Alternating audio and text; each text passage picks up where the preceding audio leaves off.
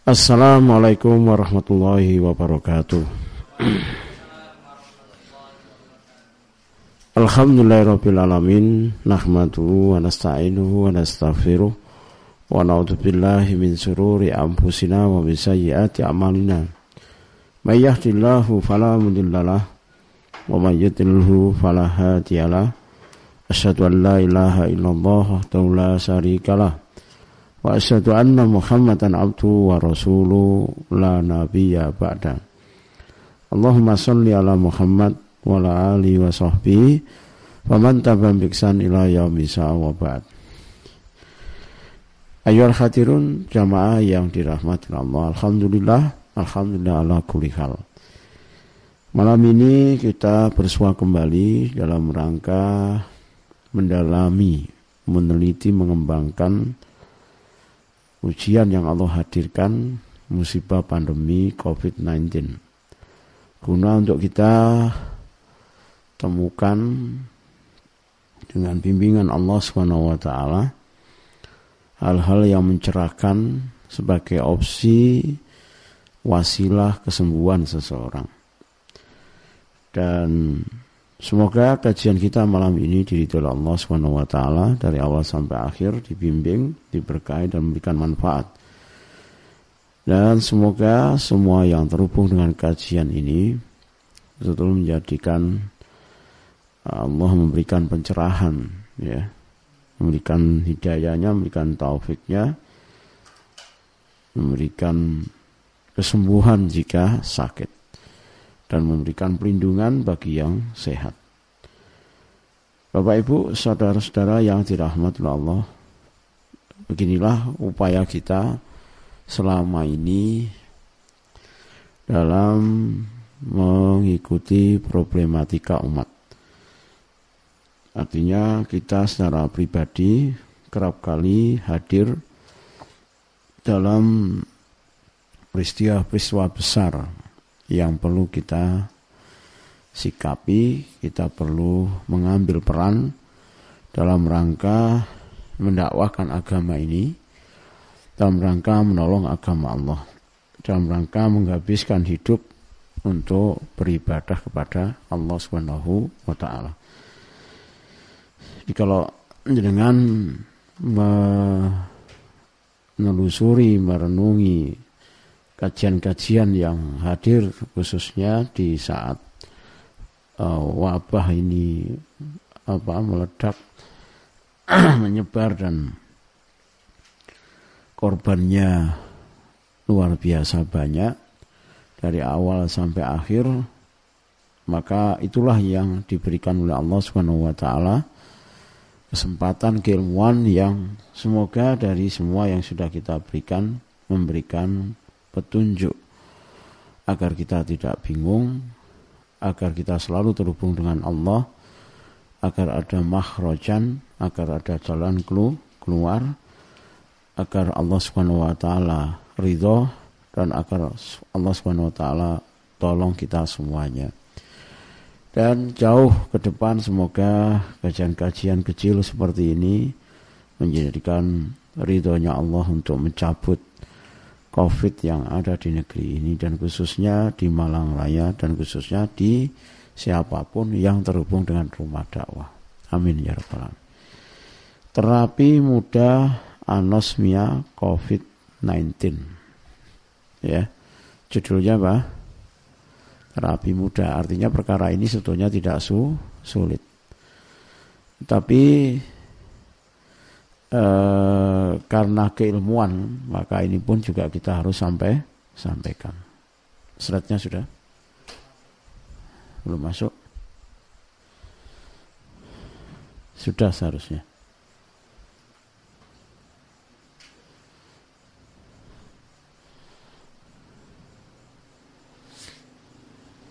Sudah.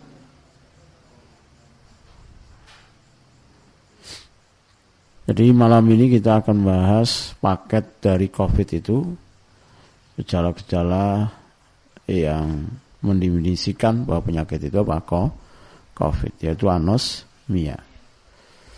Jadi anosmia COVID yang kita uh, menjadi familiar yaitu ketika penciuman apa? Pembau hidung itu hilang. Mulai dari berkurang hingga sampai akhirnya apa? Hi, hilang. Ada apa dan bagaimana? Dan eh, seperti apa terapinya? Ini kita akan pelajari secara bersama-sama di malam hari ini. Dan perlu Bapak Ibu eh, ingat-ingat uh, selalu pahami bahwa kajian kita itu bukan sifatnya teoritis. Kajian ini adalah sifatnya membenarkan lapangan yang sudah kita praktekkan.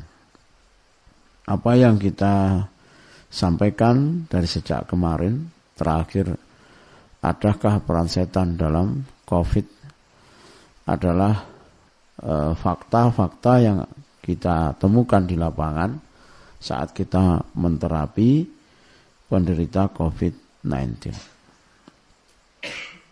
Begitu juga dengan anosmia yang seharusnya ini mungkin di awal karena ini perkara yang seharusnya mudah dan terapinya juga mudah. Tapi akhirnya ada pada uh, akhir ya materi ini kita berikan. Yang pertama adalah bagaimana tinjauan medisnya. Anosmia cenderung muncul di awal infeksi seseorang terkena apa? COVID hingga akan pulih dalam waktu macam-macam. Ada yang apa? apa lama sampai 28 hari, ada yang cuma 4 atau 6 hari. Dan anosmia juga sering disertai dengan apa? Apa ini pembacanya? Disjusia. Ya, mana Bagas? Mas Bagas mana? Atau gangguan indera pengecap seperti mulut terasa asam, pahit, asin, atau terasa seperti logam. Dari sini ternyata hidung itu terhubung dengan apa? Dengan mulut, dengan apa? Indra apa? Nah, anosmia dikatakan bukanlah gejala yang berbahaya. Namun ini tidak boleh diremehkan. Selain apa COVID, anosmia itu bisa disebabkan karena polip hidung, karena sinusitis, ya, atau gangguan saraf pencium, penciuman. Artinya tidak berarti kalau orang kena apa anosmia itu berarti selalu kok COVID. Ini ini hukum asalnya.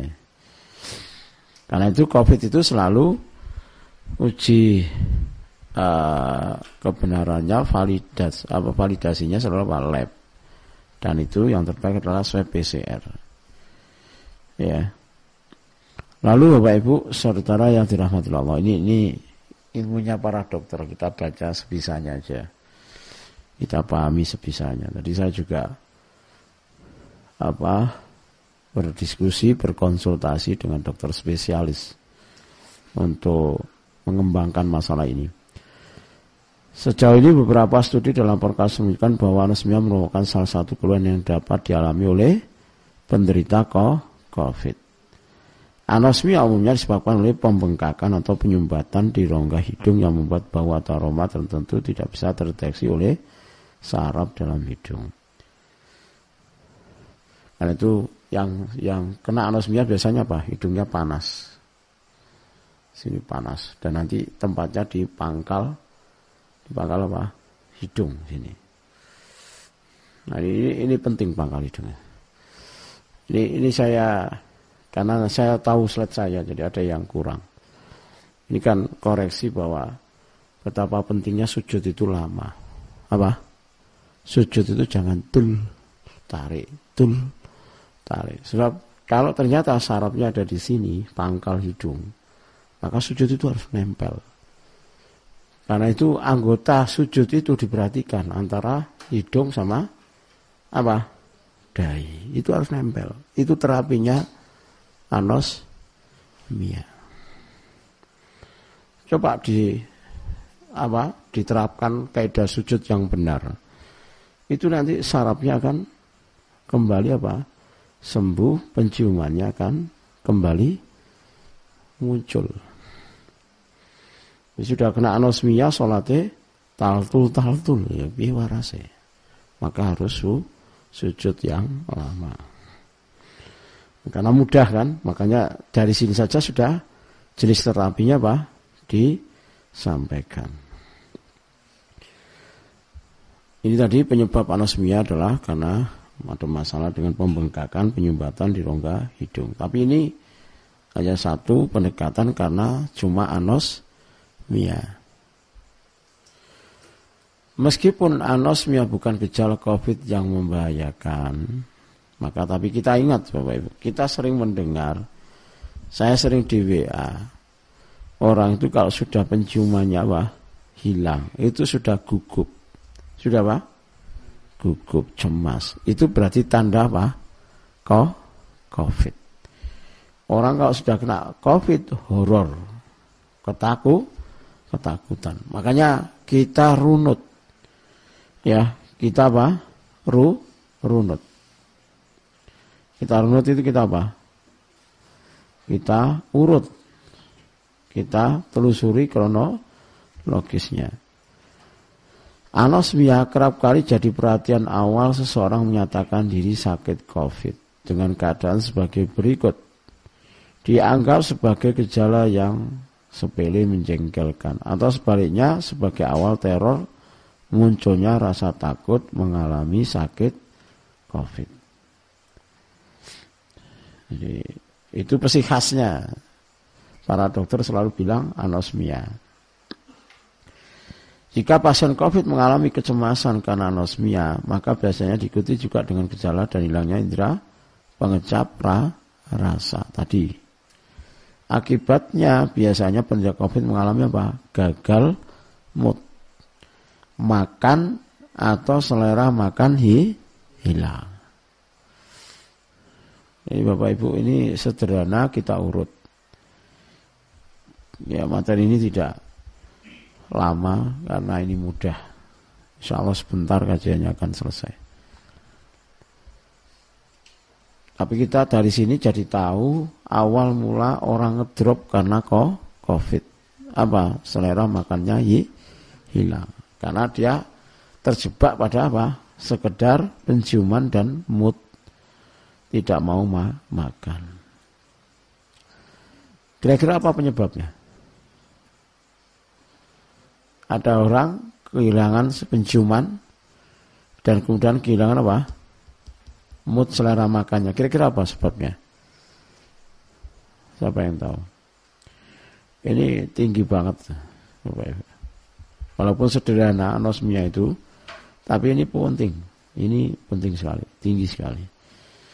Dan ternyata ada banyak di antara kita itu sering kali mengikuti kejengkelan, marahnya, kekecewaan dirinya, kesedihan dirinya.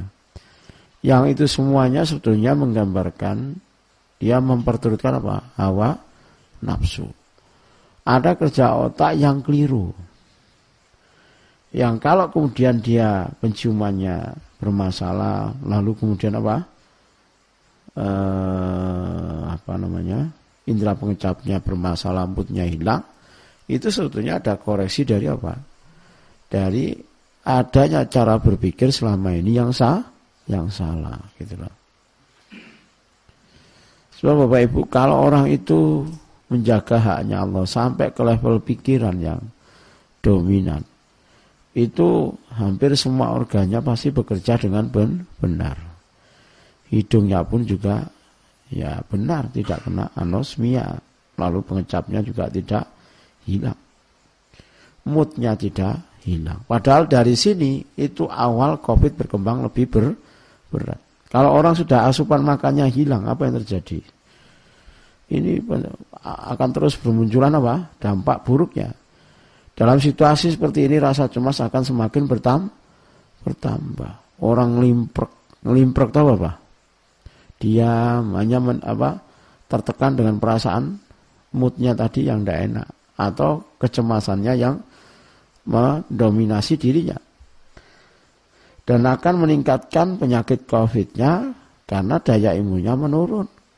Kenapa? Karena kurang asu, asupan makanan.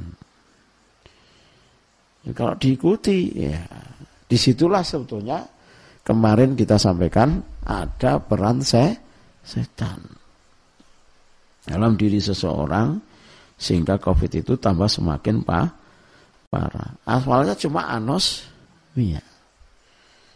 Paketannya pengecap rasa, hilangnya mood makan. Diikuti COVID tambah berkem, berkembang. Cemasnya tambah. Jadi kalau saya sering di WA, saat penciuman saya hilang. Berapa kali orang selalu WA saya, saat penciuman saya hilang Padahal cuma penciuman. Sekali-sekali makan tanpa penciuman bau kan tidak ada masalah. Malah enak tuh, ya. Makanan tidak sedap tetap enak. Enak, oh nggak ada penci, penciuman. Memang kita ini karakternya man, manja, kena penyakit wah, wahan. Di wahan itu mendikte kita mentalnya lemah. Masa hanya makan karena tidak bau saja sudah memper masalahkan. Jadi berangkat dari kaidah apa? Tidak su syukur. Kata setan apa?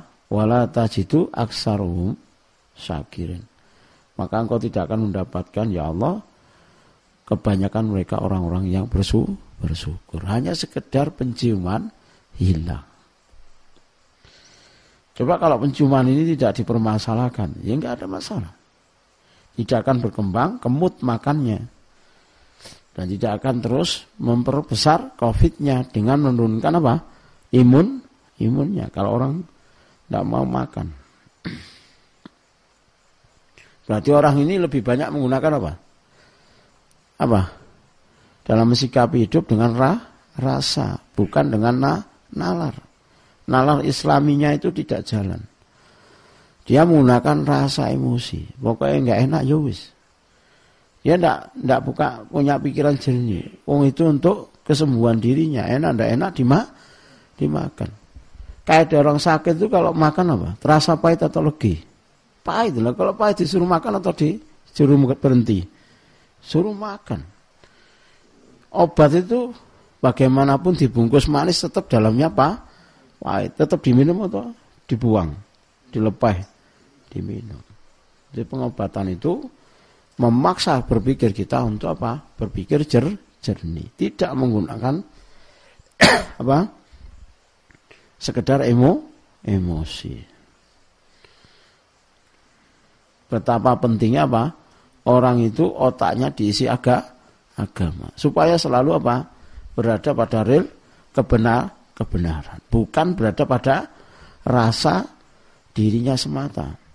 Wa anallah yahulu bainal mar'i wa qalbi.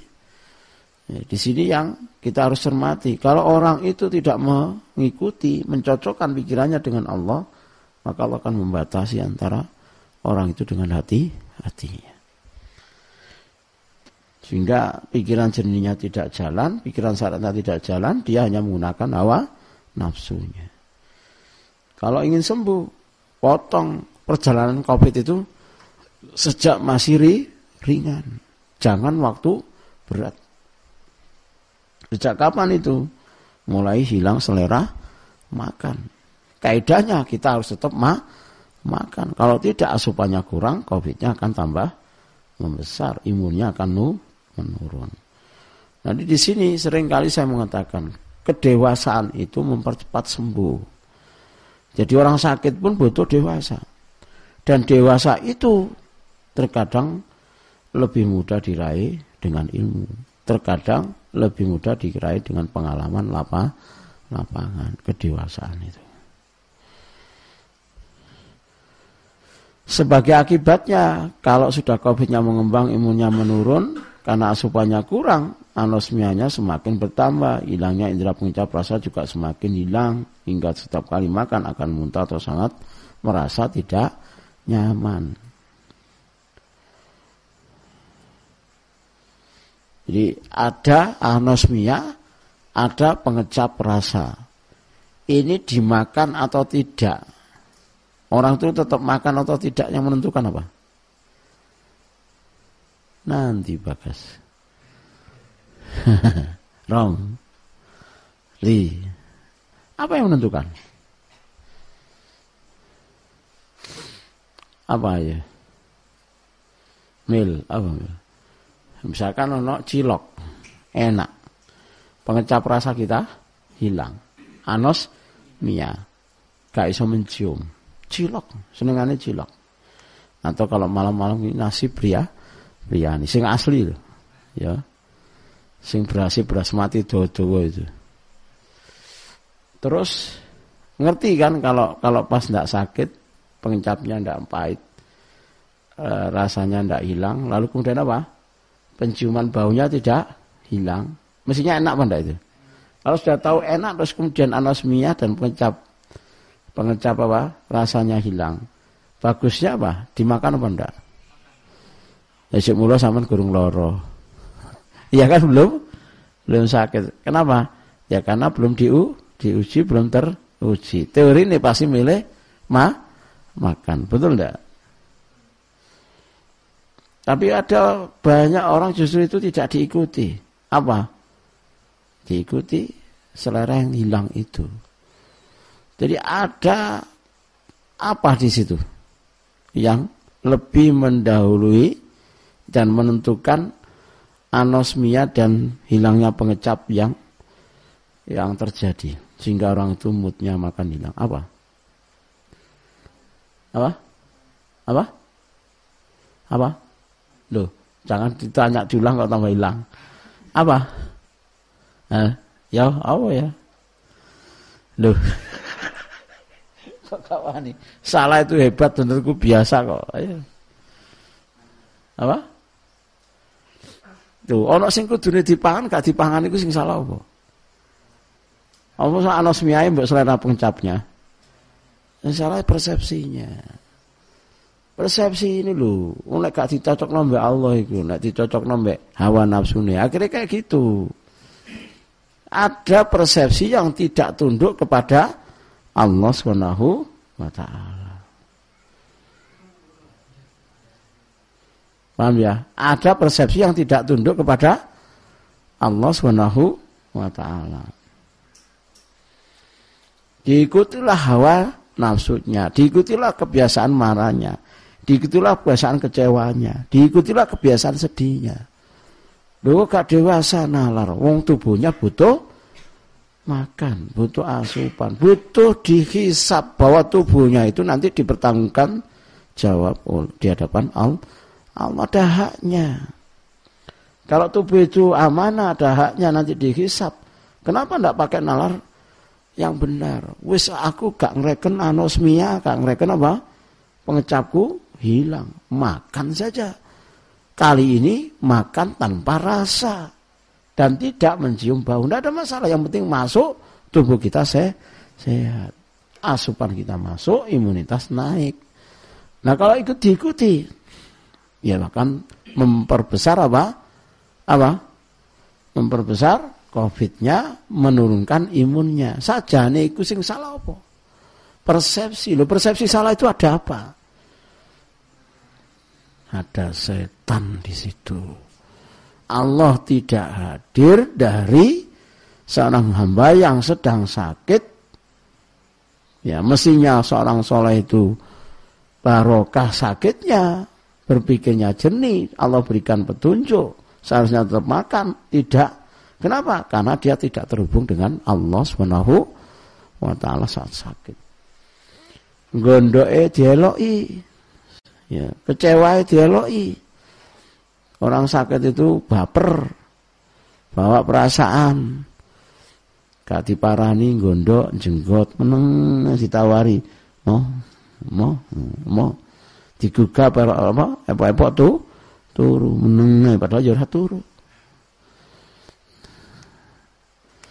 nah, butuh kedewasaan dalam sakit dalam COVID ini. Hmm, ada apa di situ? Ada yang salah dengan cara berpikir kita selama ini tentang Allah sehingga itu memberikan dampak pada saat dia diu diuji. Jadi prefrontal cortex itu penting untuk ditata. Selanjutnya tubuh akan terasa demam akibat kurang makan, mulai dingin atau gemetar atau lemah, lalu diikuti dada yang panas, yang menunjukkan COVID-nya semakin berkembang, jika teruskan akan bertambah semakin parah. Lalu kita itu sudah keteror ya, karena kar apa generasi alwahan cinta dunia takut mati, banyak karena serik sedikit aja, waduh, COVID ini, gitu ya. Ya kan gitu. Demam sedikit, oh COVID ini. Waktu ngeklek, ya ngiklik sedikit sudah wah COVID. Ya, ini menggambarkan lemahnya i, iman. Lalu selanjutnya Bapak Ibu, kondisi selanjutnya penderita COVID bisa mengalami sesak, ampek hingga terus bertambah sesak nafasnya. Seterusnya Pak, kondisinya akan bisa terus berkembang ke sakit kepala karena rentetan proses tadi hingga mempengaruhi satu rasi tambah nemen. Rendiri tambah menguasai alveolinya dan seterusnya. Maka meremehkan anosmia meski bukan gejala berat adalah tidak bijaksana. Yang benar tidak perlu cemas juga tidak dimeremehkan. Ya diobati, tapi nyantai gitu ya. Bapak Ibu, kayak ada penyakit di tubuh. Ini ini sebelum masuk ke pengembangan. Ini pendekatan kita. Sakitnya seseorang akibat dari dosa. Quran apa? As-Surah ayat 3 30. Wa ma min musibatin fabima kasabat ai aidikum. Ini sudah harus dihafal. Artinya kalau dari dosa maka dibutuhkan tobat kalau orang itu ingin sem sembuh. Nah anosmia itu salah di apa? Kesalahannya di mana? Hmm. Mari kita teliti. Sakitnya anggota tubuh bisa terkait langsung dengan jenis dosa ataupun tidak langsung. Ini kaidah yang kita bangun dalam terapi rukyah. Kenapa ada orang sakit di anggota tertentu, yang lainnya anggota yang tidak sama. Kita pernah sakit perut, kita pernah sakit kepala, kita pernah sakit mata, mungkin sakit apa persendian. Ada apa itu? Ini menjelaskan apa?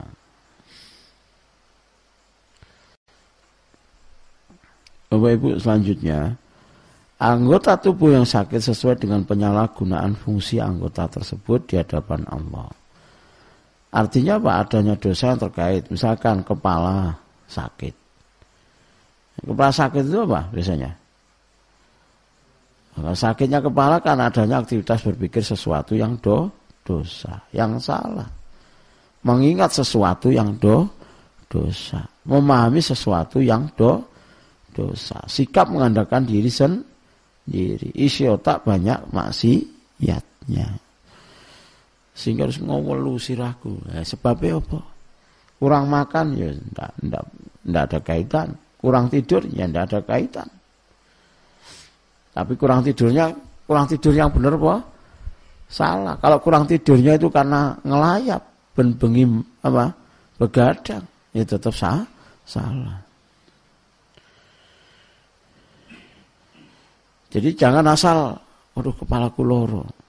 Kalau itu karena sebab-sebab alami, sesuatu yang natural, tidak ada masalah. Gitu loh. Ya, alami, natural, tidak ada masalah. Masalah. Tapi ada sebab-sebab yang karena itu do, dosa dan kesalahan. Migrain misalkan, vertigo misalkan, ya, selalu harus dimaknai. Dari mana kaidahnya? As-Surah ayat 30. Jadi selalu mengkaitkan begitu. Mata kerap kali sakit akibat dari tema-tema dosa yang dilihat yang ha, yang haram. Lalu apa lagi? Perut misalkan, kerap sekali karena masuknya makanan minuman yang haram atau sihir dari makan dan minuman atau dari makanan minuman ritual. Ya. Itu itu kaidah-kaidah yang kita bangun. Dan kemarin kita menterapi kasus Covid. Ya, kita melihat dari sisi di luar Covid-nya itu ada keterkaitan.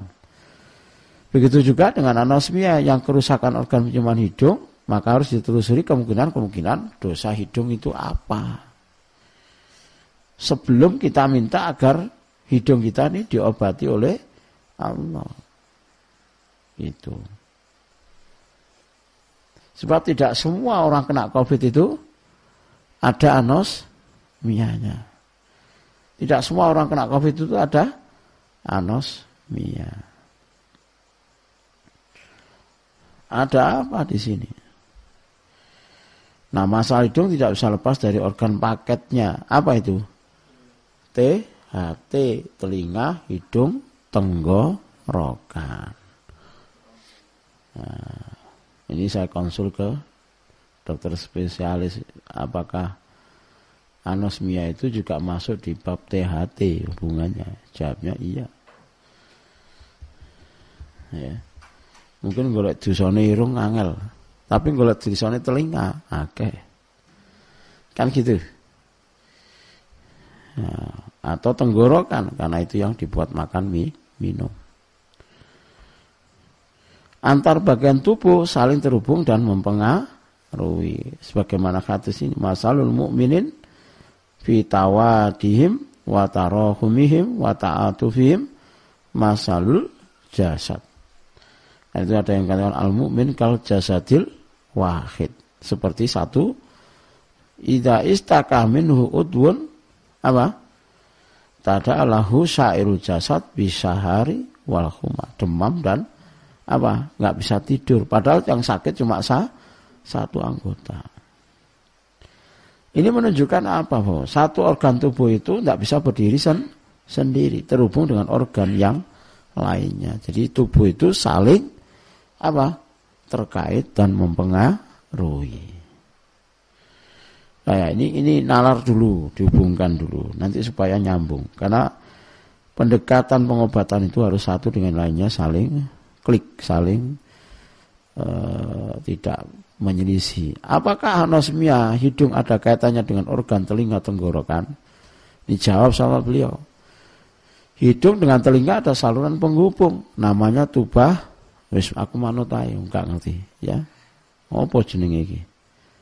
Tuba eu tasius, oh, ya yo wangel jenenge. Ini letaknya di sisi dalam dari gendang te, telinga. Salah satu fungsinya mengatur tekanan. Jika hidung kita terganggu atau sebaliknya maka bisa saling mempengaruhi, berpengaruh.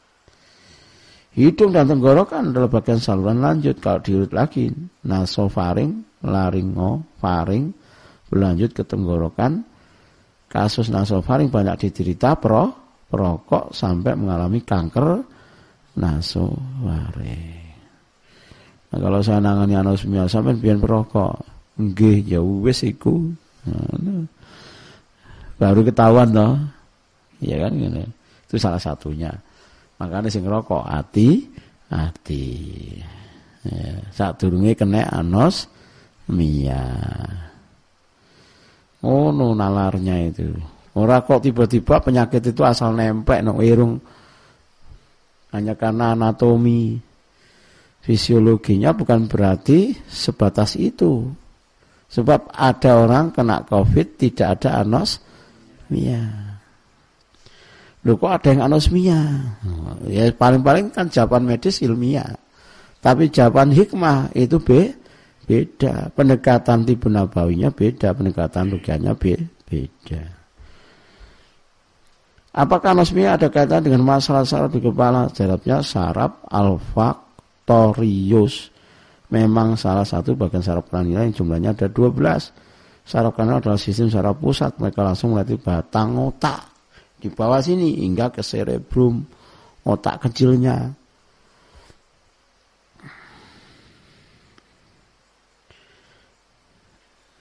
cerebrum itu otak besar ya las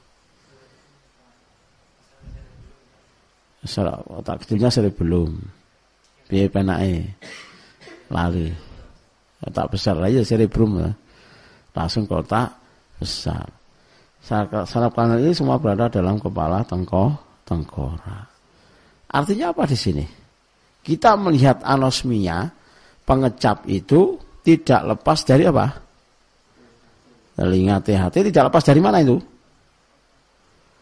otak Otak itu ada kaitannya dengan cara berpikir, cara bersikap, mengingat, memahami. Lagi-lagi ada kaitannya dengan dosa yang ada kaitannya dengan pikiran seseorang.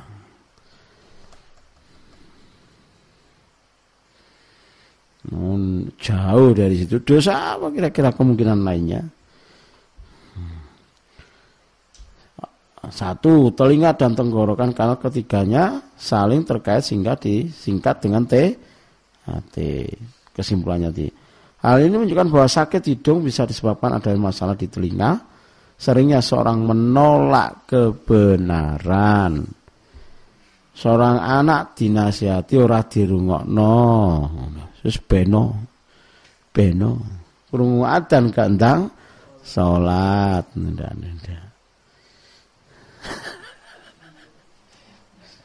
Macam-macam. Jangan khawatir.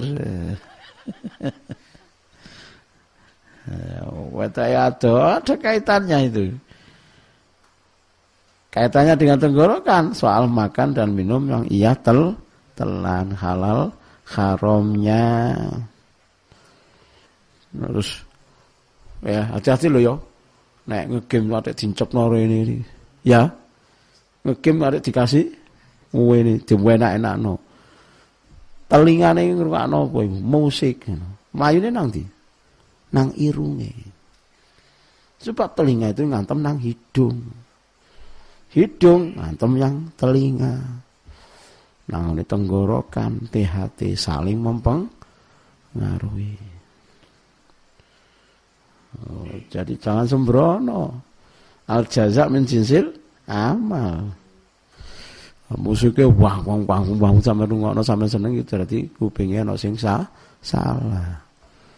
mestinya gitu itu risi sakit mendengar musik yang rusak-rusak itu sakit telinga itu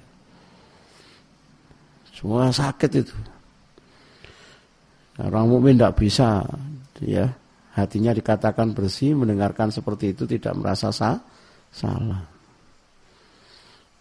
nah, ini harus di di muhasabai gitu loh.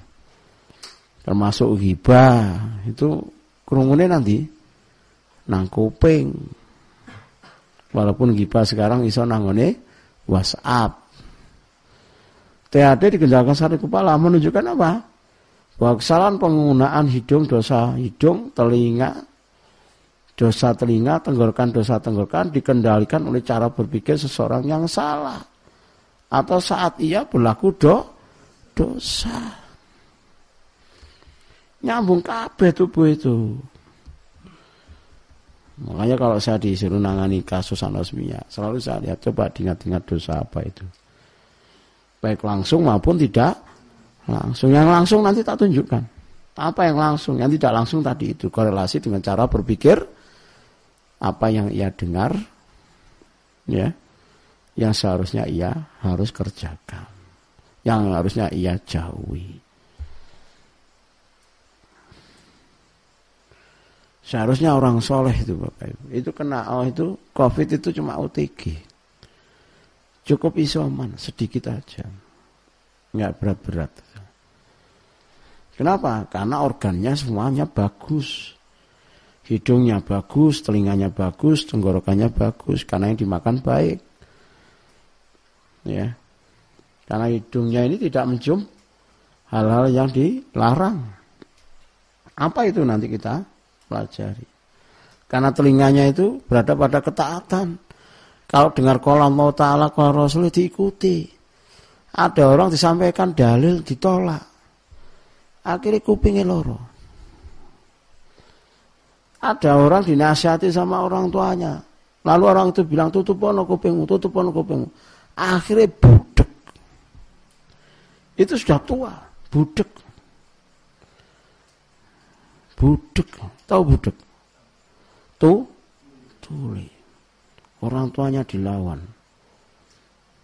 Telinganya akhirnya apa? Dimasuki se setan, ditutup. Akhirnya menimbulkan sakit fisik.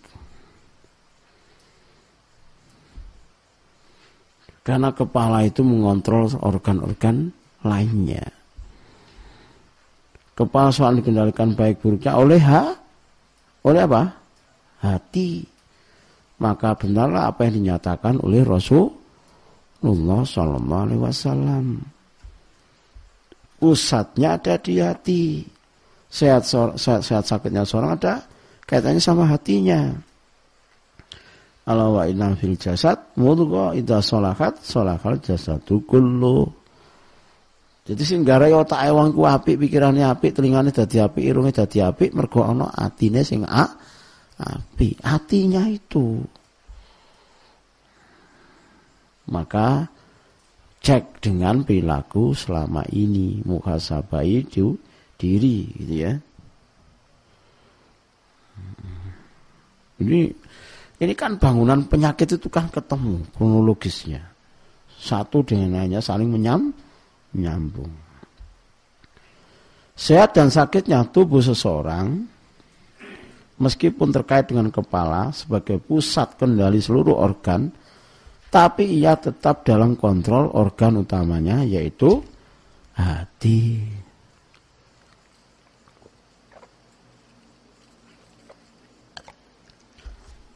Kepala itu memahami bahwa nek krungu adzan kudune apa? Segera menyiapkan diri untuk sholat.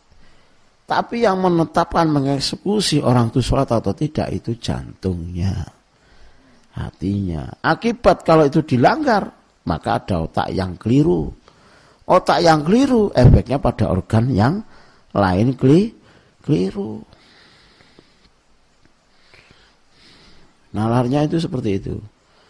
Maka jika hati baik, otak seseorang produk berpikirnya baik, telinganya digunakan untuk hal yang baik, hidungnya pun demikian, begitu juga dengan tenggorokannya maka saturasi itu juga akan baik.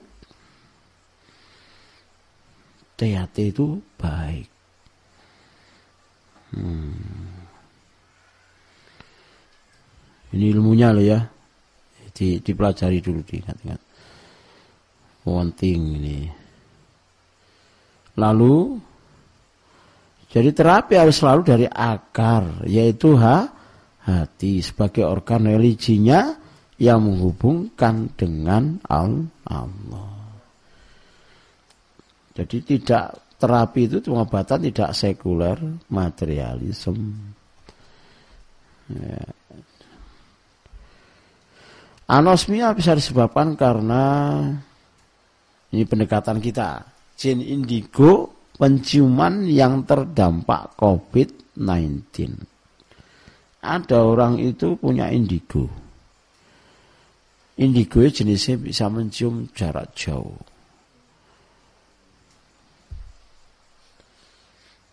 Ini kayak kayak apa aja? Kayak anjing, ya. Dia bisa ngendus. Menciuman. Yang lainnya tidak bisa. Indigo itu jenisnya macam-macam. Ada seringnya apa? Kita mengumpat saat mencium bau tidak sedap tanpa ada kalimat atau yang tanya apa? Astagfirullah, bau apa ini? Tapi yang muncul kurang ajar.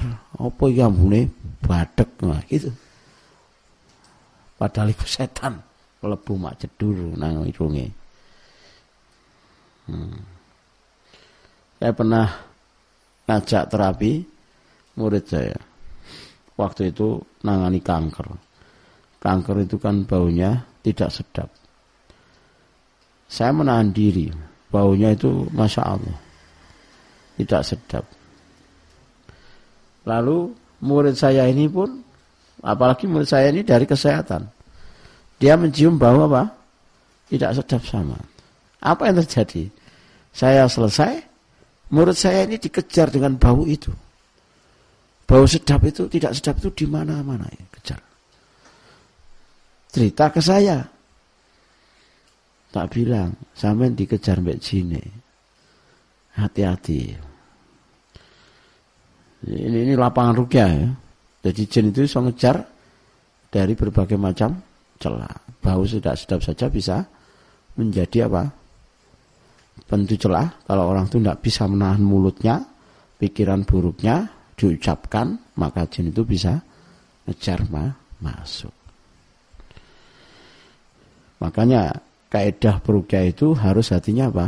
Ber bersih. Ora iso sampean mari nerapi, wah ampune bawadek. Oh, sampean atine elek.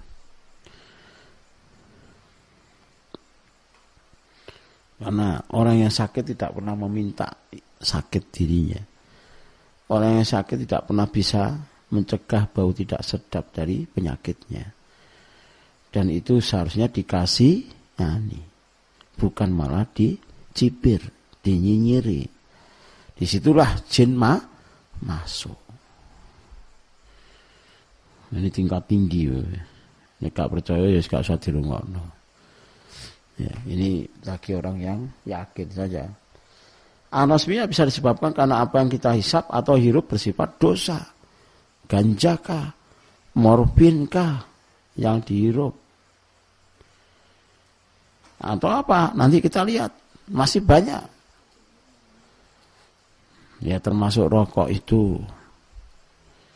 Anusia bisa disebabkan karena kita melakukan itu yang beraroma dupa, menyan, minyak-minyak parfum. Ya kan khas, bau di hidungnya. Terkena sihir yang masuknya dari penciuman ataupun asap rokok atau par parfum. Ada orang itu kena apa sihir dari asap rokok orang yang nyihir. Ada yang kena dari apa? Parfum yang dia pak pakai. Karena itu dalam Islam wanita yang pakai parfum keluar rumah dikatakan sebagai sebagai pezina, sebagai pelacur. Kenapa begitu? Ya karena dulu sebelum Islam diutus ya bangsa Arab itu identik wanita nakalnya pakai harum haruman untuk memikat apa laki-laki hidung sing belang hidungnya bel belah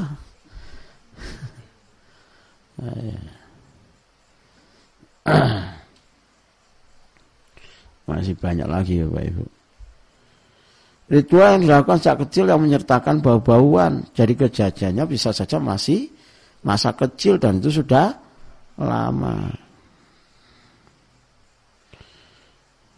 Masa kecil sering digonak dukun, terus nyium bau menyanyi.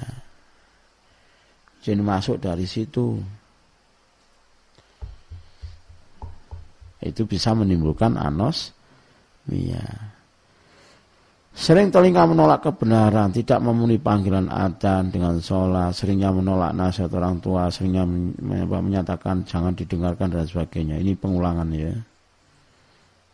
Ya. Lalu bagaimana dengan sakit COVID yang tidak mengalami anosmia? Kira-kira gimana ini jawabannya? Pertama, jika mengalami ini tidak perlu repot mikirkan, syukuri sah saja. Alhamdulillah. Aja digolek kok aku karena anosmiane lho zaman kei rezeki karena anosmia kok golek-golek. Ya kan itu. Yang kedua bisa saja adanya minimnya kesalahan yang ada kaitannya dengan telinga, hidungnya, tenggorokan dan sebagainya. Artinya orang itu masih baik. Walaupun bisa saja Allah menegur, kesalahan orang itu di bagian itu yang kecil karena memang di bagian organ itu gitu loh. Terapi anosmia terakhir Bapak Ibu. Ya, saya prediksi satu jam, alhamdulillah. Tidak sampai bahkan. Pertama yang harus dilakukan adalah tobati dosa hidung, telinga, tenggorokan. Karena ini saling terkait. Ya, jangan ada satu tok. Lalu yang kedua, tobati dosa yang mengontrol tiga organ itu di kepala.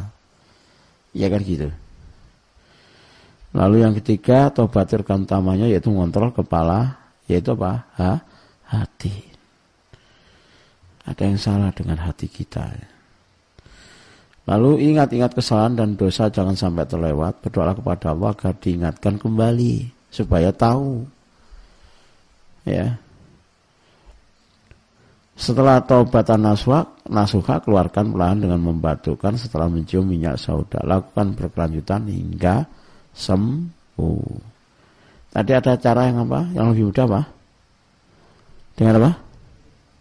Apa? Loh, iki mau. Nah, tadi kok. Apa? Di awal tadi tak bocorkan satu itu. Sujudnya harus tumak nina sesuai dengan rukun sujud. Apa? Batu mbak irunge kudu nampel. Padahal main jentit tok batu tok irungnya diangkat. Ketok gungguk ngono lho. Akhirnya kena anos saling ngentit apa rukune so sujud irungnya orang nem nemplek. Nah, coba saja. Yang anosmia itu diterapi dengan sujud yang lama. Karena dia di pangkal sini. Cepat sembuh nanti itu. Dan pada saat sujud telinga juga bagus. Kenapa? Darah mengalir. Nanti terjadi perubahan-perubahan di telinga seseorang.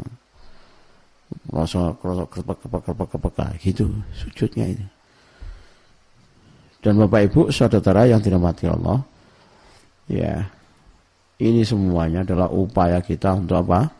Supaya kita ini sembuh dari COVID. Dan kita tidak perlu takut dengan COVID karena semuanya bisa dipahami meskipun kita bukan dokter, kita punya pendekatan-pendekatan tibu nabawi, kita punya pendekatan dengan rukyah, kita bisa punya pendekatan dengan apa?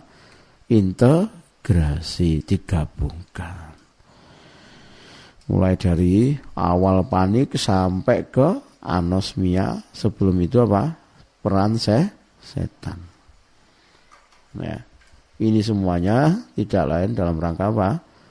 Ya agar kita ini bersama-sama bahu membahu untuk mengusir covid ini melawan covid ini pandemi ini lalu sembuh bagi yang sakit dari kok COVID itu.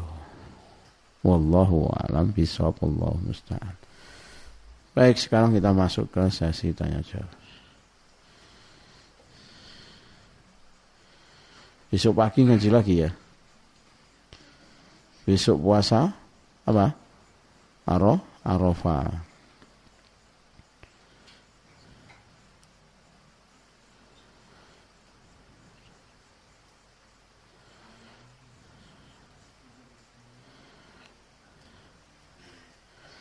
Baik ini yang bertanya terapi apa? Hidung tersumbat berbulan-bulan, sudah ke teater dan lain sebagainya. Sudah dikasih obat anti alergi dan obat flu. Berarti yang kurang apa kalau pertanyaannya begini? Ikuti kajian tadi itu. Cari dulu apa penyebab apa? Hidung tersum, tersumbat dosa-dosa kesalahan tadi. Semoga tadi sudah dipahami. Ada lagi, Mas? Hah? Cukup. Ya, bentar.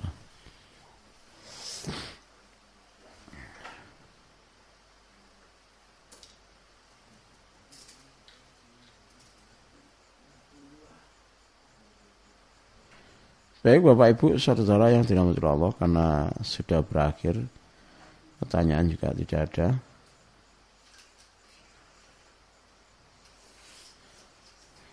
Ya kita akhiri. Mudah-mudahan kajian ini uh, betul-betul menghadirkan keridhaan Allah Subhanahu wa taala. Kita menghadapi pandemi dengan ilmu. Ya jadi tidak konyol tidak ngawur tidak suudon apalagi tidak percaya dengan adanya virus. Uh, tapi kita lebih pada bijaksana dengan ilmu.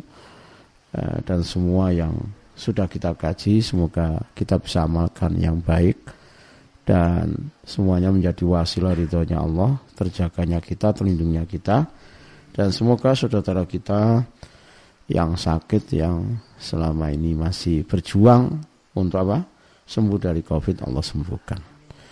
Termasuk Bu Asfufa yang ada di Blitar sekeluarga dengan Pak Din semoga Allah sembuhkan gitu ya